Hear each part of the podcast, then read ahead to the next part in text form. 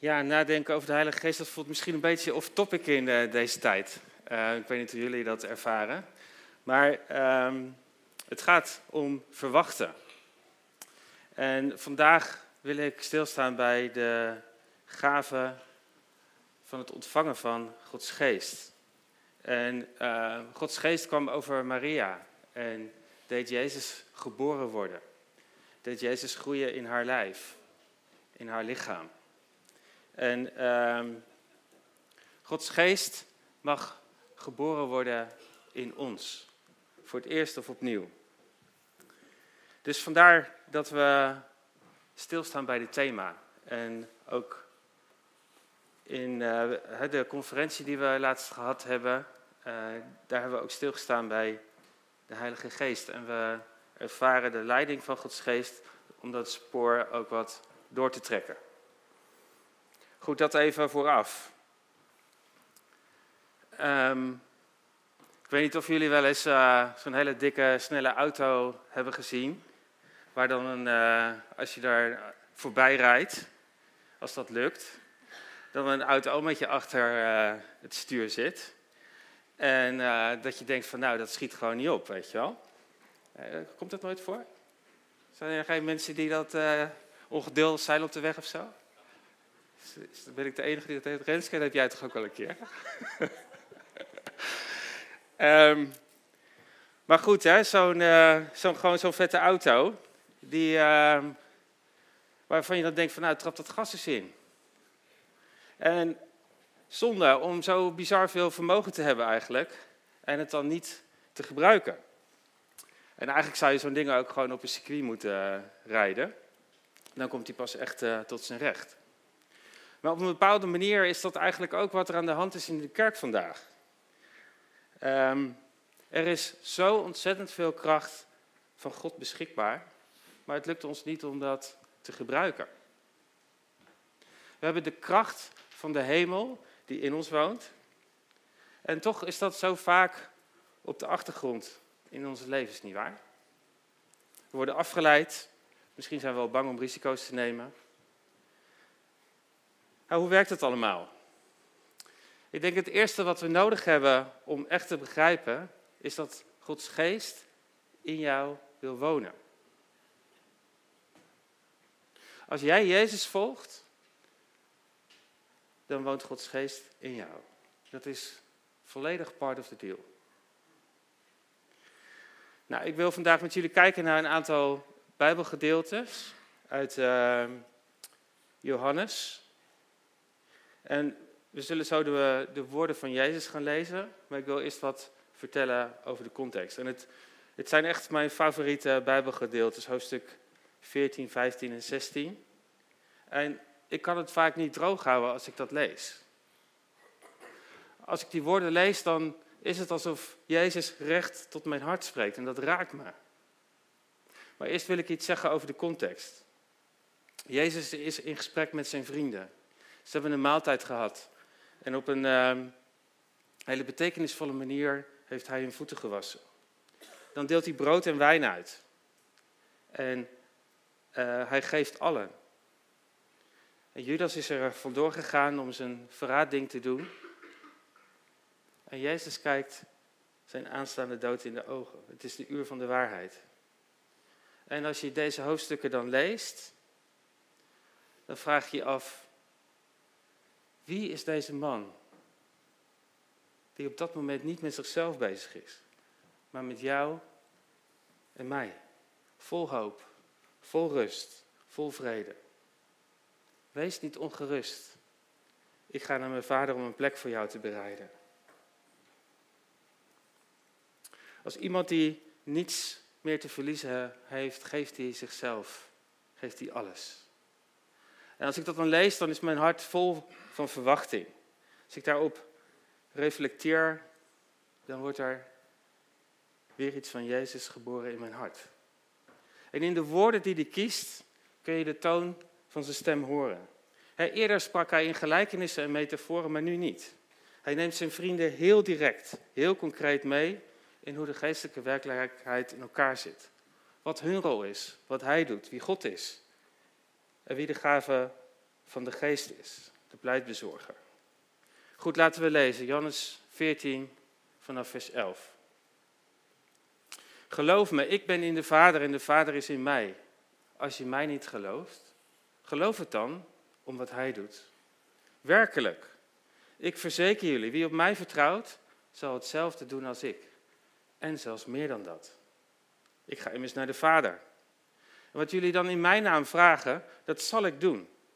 Zodat door de Zoon de grootheid van de Vader zichtbaar wordt. Wanneer je iets in mijn naam vraagt, zal ik het doen. Als je mij lief hebt, houd je dan aan mijn geboden.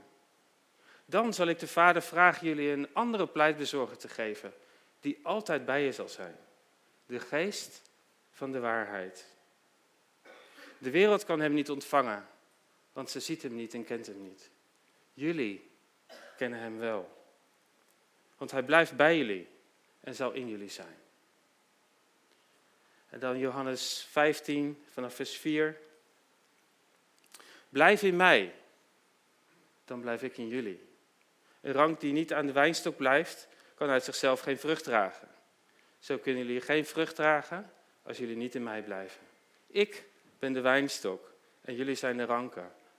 Als iemand in mij blijft en ik in hem, zal hij veel vrucht voortbrengen. Maar zonder mij kun je niets doen. Hoofdstuk 16 vanaf vers 13.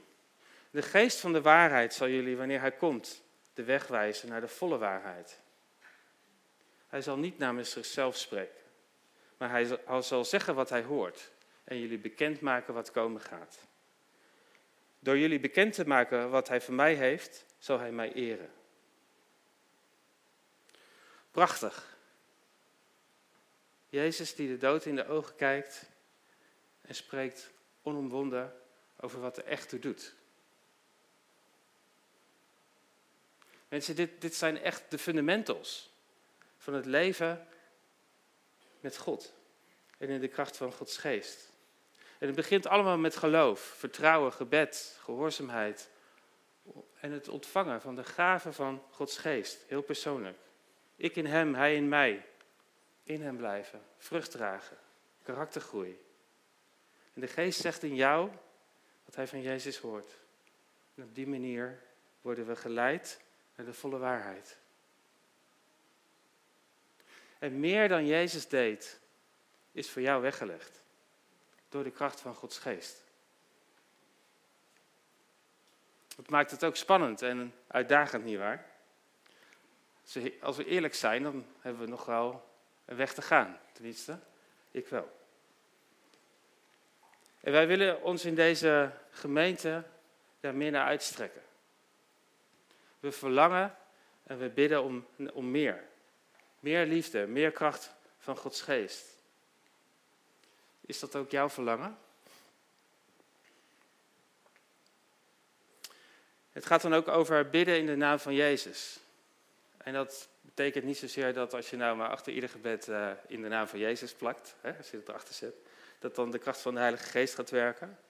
zo werkt het niet. Het gaat over het bidden in Jezus' naam, is bidden in lijn met zijn wil. Het betekent bidden in de geest van Jezus. Het betekent bidden onder zijn leiding en zijn gezag.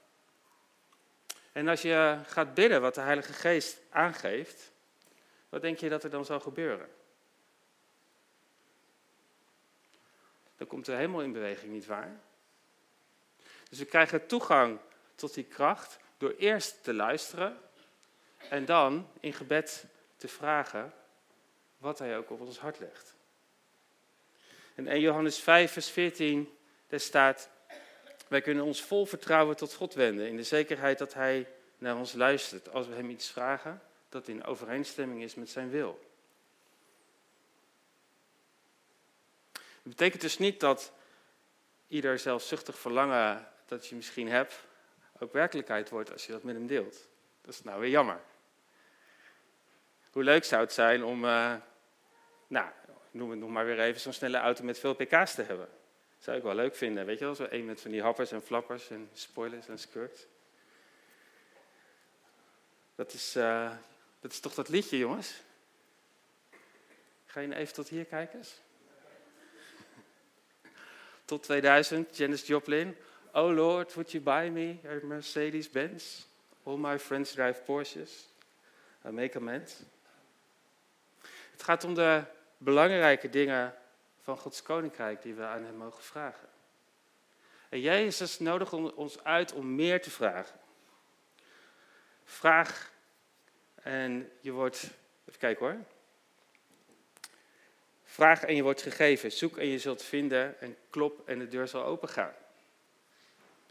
Vraag jij God nog om grote dingen? Vraag jij Hem om in te grijpen in, het in jouw leven, in het leven van de mensen die je, die je kent? Vraag jij Hem om bovennatuurlijke kracht, tekenen, wonderen? Vraag je Hem uh, of Hij een collega, een vriend of een vriendin die niet gelooft wil ontmoeten?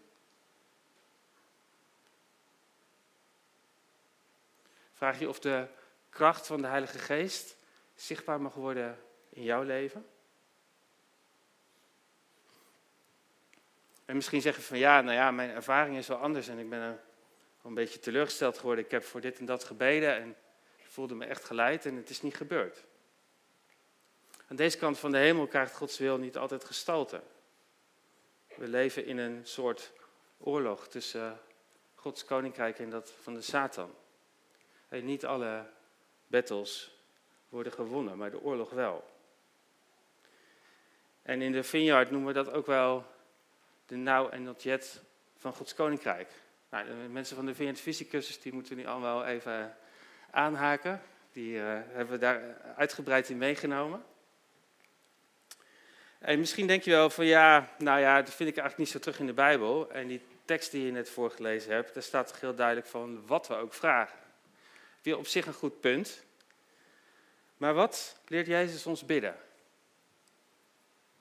Iemand? Ja, laat uw koninkrijk komen. En? Ja, en? U wil geschieden. Waarom vraagt Jezus ons te bidden, laat uw koninkrijk komen en u wil geschieden? Waarom moeten we daar überhaupt voor bidden? Iemand? Omdat God veel meer wijsheid heeft dan wij hebben, veel meer kan overzien alles. Ja, En wij vaak heel beperkt uh, inzicht hebben. Ja, dus dat is ook waar. Maar het punt waar ik eigenlijk nou, nou op zoek was, is van... Gods wil gebeurt niet altijd. En dat heeft te maken omdat er ook vrijheid is. En wij ook een eigen wil hebben. Die al dan niet geïnspireerd wordt door onszelf of de vijand. En zolang er nog mensen zijn die niet leven en handelen naar Gods wil, blijft er ook ergens ruimte voor een andere wil. En daarom vraagt Jezus ons om te bidden. Laat uw koninkrijk komen en laat uw wil gebeuren. Ik noemde het net al, er is een geestelijke oorlog gaande. En gebed is daar een belangrijk wapen. De kracht van Gods geest in ons, die komt in beweging door gebed. En we hebben ook een volwassen geloof nodig. Er is een, een weg van groei uh, in karakter. de vruchten van, het geest, van de geest. Lucas had het daar vorige week over. En Paulus die vergelijkt dat ook met een topsport. Een wedloop. Geestelijk fit zijn, getraind. Uh, uithoudingsvermogen. we gaan niet voor de sprint, maar voor de marathon. En Gods geest die in ons woont, die leidt ons in toenemende mate naar de waarheid. En in Johannes 14, vers 17, daar, uh, daar stond, we hebben dat net gelezen, dat wil ik nog eventjes aanhalen. De wereld kan hem, uh, Gods geest, niet ontvangen, want ze ziet hem niet en kent hem niet. Jullie kennen hem wel, want hij blijft bij jullie en zal in jullie zijn. Maar hoe, hoe is dat eigenlijk in de kerk? Hoe is dat eigenlijk in ons midden? Hoe is onze dagelijkse praktijk? In hoeverre kennen wij echt Gods geest en zijn we echt vertrouwd met hem? En in hoeverre zijn we verwachtingsvol over wat Hij kan doen in het hier en nu, vandaag? En in hoeverre heeft het denken van onze wereld, ons wereldbeeld en onze theologie beïnvloed? Wie is er bijvoorbeeld uh, opgegroeid in een traditionele kerk? Mag ik wat vingers zien? Er zijn best wel veel, uh, veel mensen. Nou wil ik uh, geen andere kerken gaan bestje vandaag, maar ik wil wel een soort nuance aanbrengen. Want de kans is best wel groot dat je dan geleerd hebt dat de krachtige werking van de Heilige Geest eigenlijk was voorbehouden aan de apostelen in, in die tijd, met als doel om de kerk te vestigen. En als ik het even chargeer, gaat kort door de bocht, maar de werking van de Heilige Geest was dan beperkt tot inwoning. Jezus kwam in je hart wonen. En de leiding van de geest, nou, dat kon je dan zien in, in de omstandigheden. Bijvoorbeeld deuren die geopend werden uh, of gesloten. Nou, zelf ben ik opgegroeid in de hervormde kerk. En ik kan me nog herinneren dat, ik was iets van 16, 17 of zo. En ik las in de Bijbel over de wonderen die Jezus deed. En ik vond het eigenlijk wel cool. Maar ik stelde daar dus wat vragen over aan de dominee op categorisatie. En die zei eigenlijk van ja, je hoeft alleen maar te geloven dat Jezus het had gedaan. Het was iets voor toen. En ik weet nog dat ik daar een soort verbolgen over was, maar ik eigenlijk ook niet goed wist hoe ik daarop moest reageren. Maar diep van binnen was ik er op een bepaalde manier van overtuigd dat het niet waar kon zijn. Ik dacht, lees hij een andere Bijbel dan ik? Het stond toch echt anders in de Bijbel? Of lees ik het nou verkeerd? Maar nu begrijp ik dat dat uh, toenmalig uh, aanvaarde theologie was, hè, de leer van de bedelingen. En we zien ook nu dat hè, met de invloed van nieuw wijn en de charismatische vernieuwing uh, ook de traditionele kerken meer aandacht hebben voor het werk van de Heilige Geest. En geloven zonder de kracht van de Heilige Geest, ja, dat maakt ons echt super dry. Ja, die, die trui die hou ik voor deze serie, ja? Het, het geestelijk leven van de gemiddelde hoofdchristen is droog geworden. En dat is niet hoe het bedoeld is. Nou, misschien ben je uh, opgegroeid in wat meer evangelische of charismatische hoek. En misschien ken je dan wel uh, plekken waar heel, met heel veel stelligheid en zwart-wit denken.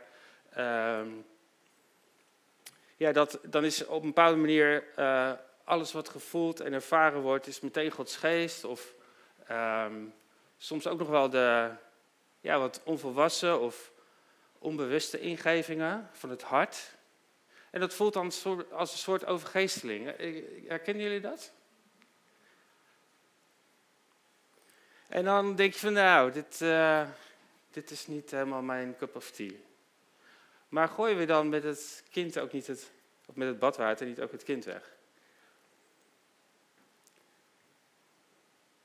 Wat is het werkelijk? Gods geest die dan spreekt of leidt? Of is het een taal en een cultuur die we dan met elkaar hebben en als we het maar stellig brengen, als we grote woorden gebruiken, dan gebeurt er ook wat we graag willen zien. Dan gaan we er ook in geloven. Of hoe is het voor de moderne christen in deconstructie?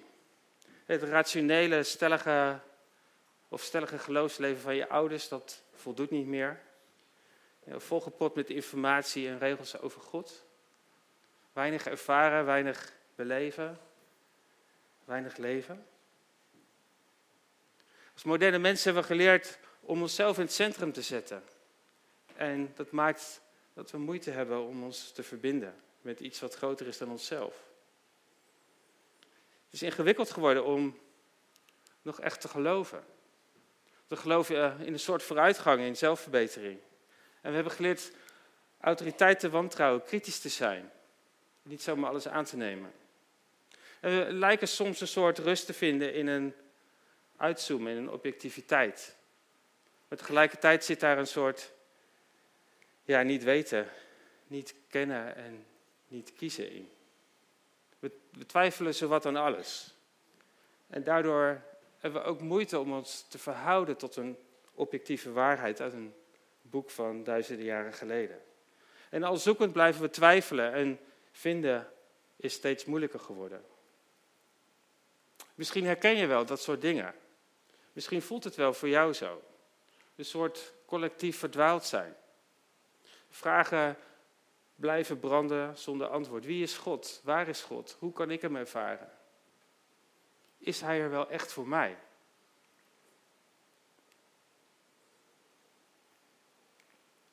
En heeft ons leven überhaupt wel een spirituele betekenis?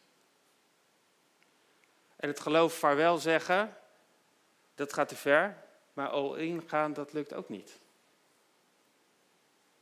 En dit allemaal gecombineerd met het wereldbeeld wat de wetenschap ons aanreikt. Een mindset, een gesloten denksysteem dat heel weinig ruimte laat voor bovennatuurlijke ervaring. Want wat we niet kunnen zien, wat we niet kunnen waarnemen met onze zintuigen of met onze meetinstrumenten, daarvan kunnen we niet vaststellen of het wel echt waar is, toch? En als ik dat als mijn uitgangspunt heb genomen, hoe kan ik dan nog geloven? Hoe kan ik dan nog zien wat niet voor ogen is? Hoe kan ik dan kennen wat zich niet kenbaar maakt vanuit de natuurlijke dimensie? Jezus zegt, de wereld kan Hem, Gods geest, niet ontvangen, want ze ziet Hem niet en ze kent Hem niet. Wat zijn we arm geworden, terwijl we zo ontzettend rijk zijn in het Westen. En in de voorbereiding raakte deze tekst mij enorm. En ik voelde ontzettend veel verdriet in Gods hart.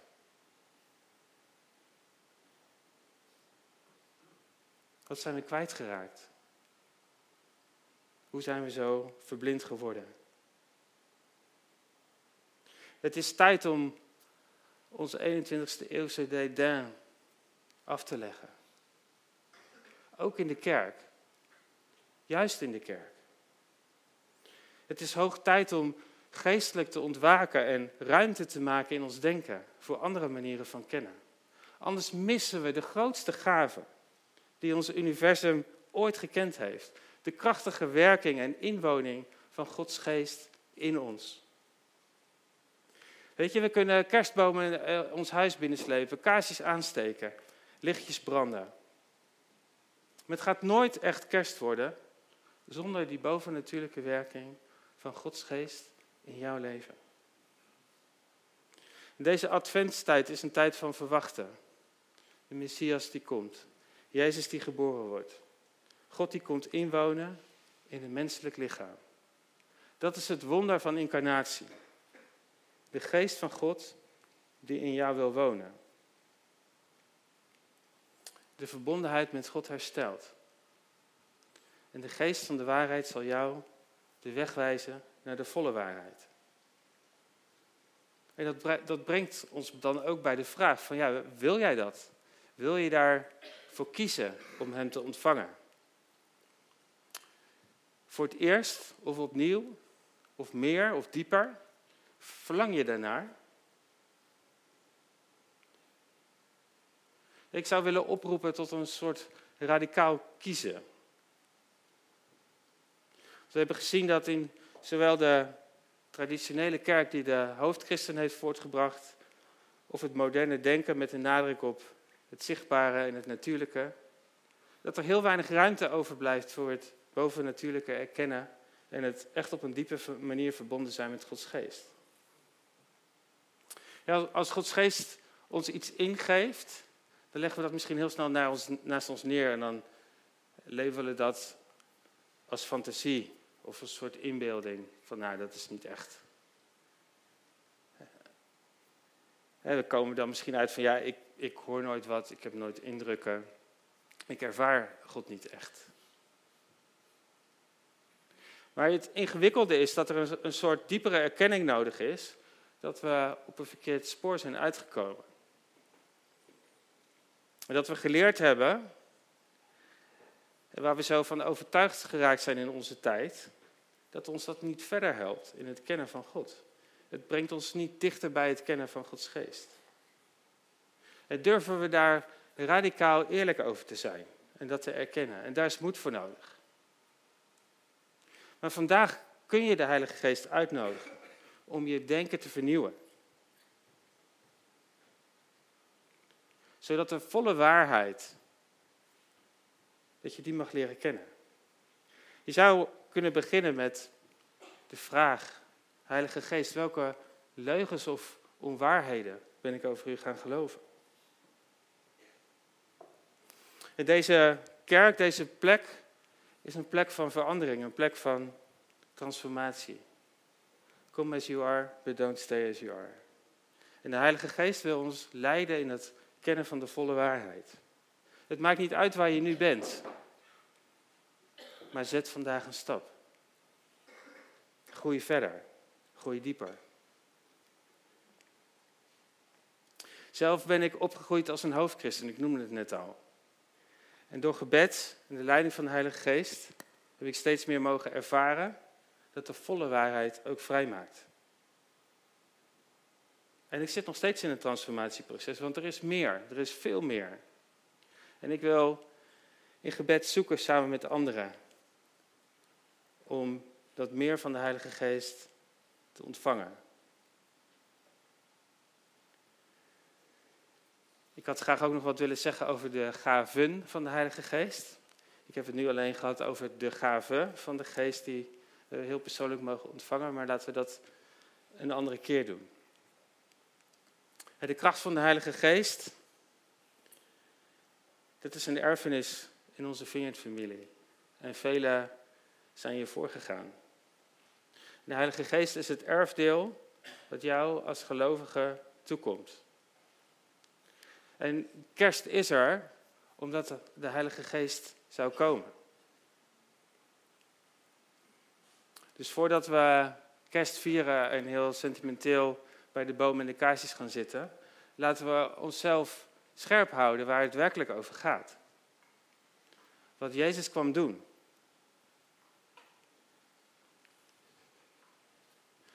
Ik wil graag afsluiten met een gebed. En dat gebed, dat. Uh, ik ben even de tekstverwijzing kwijt. Maar dat is een gebed van Paulus. En zullen we, zullen we dat bidden? Misschien kan je je hand op je hart leggen als je dit werkelijk wil ontvangen. Het hoeft niet, het is een vrije keus.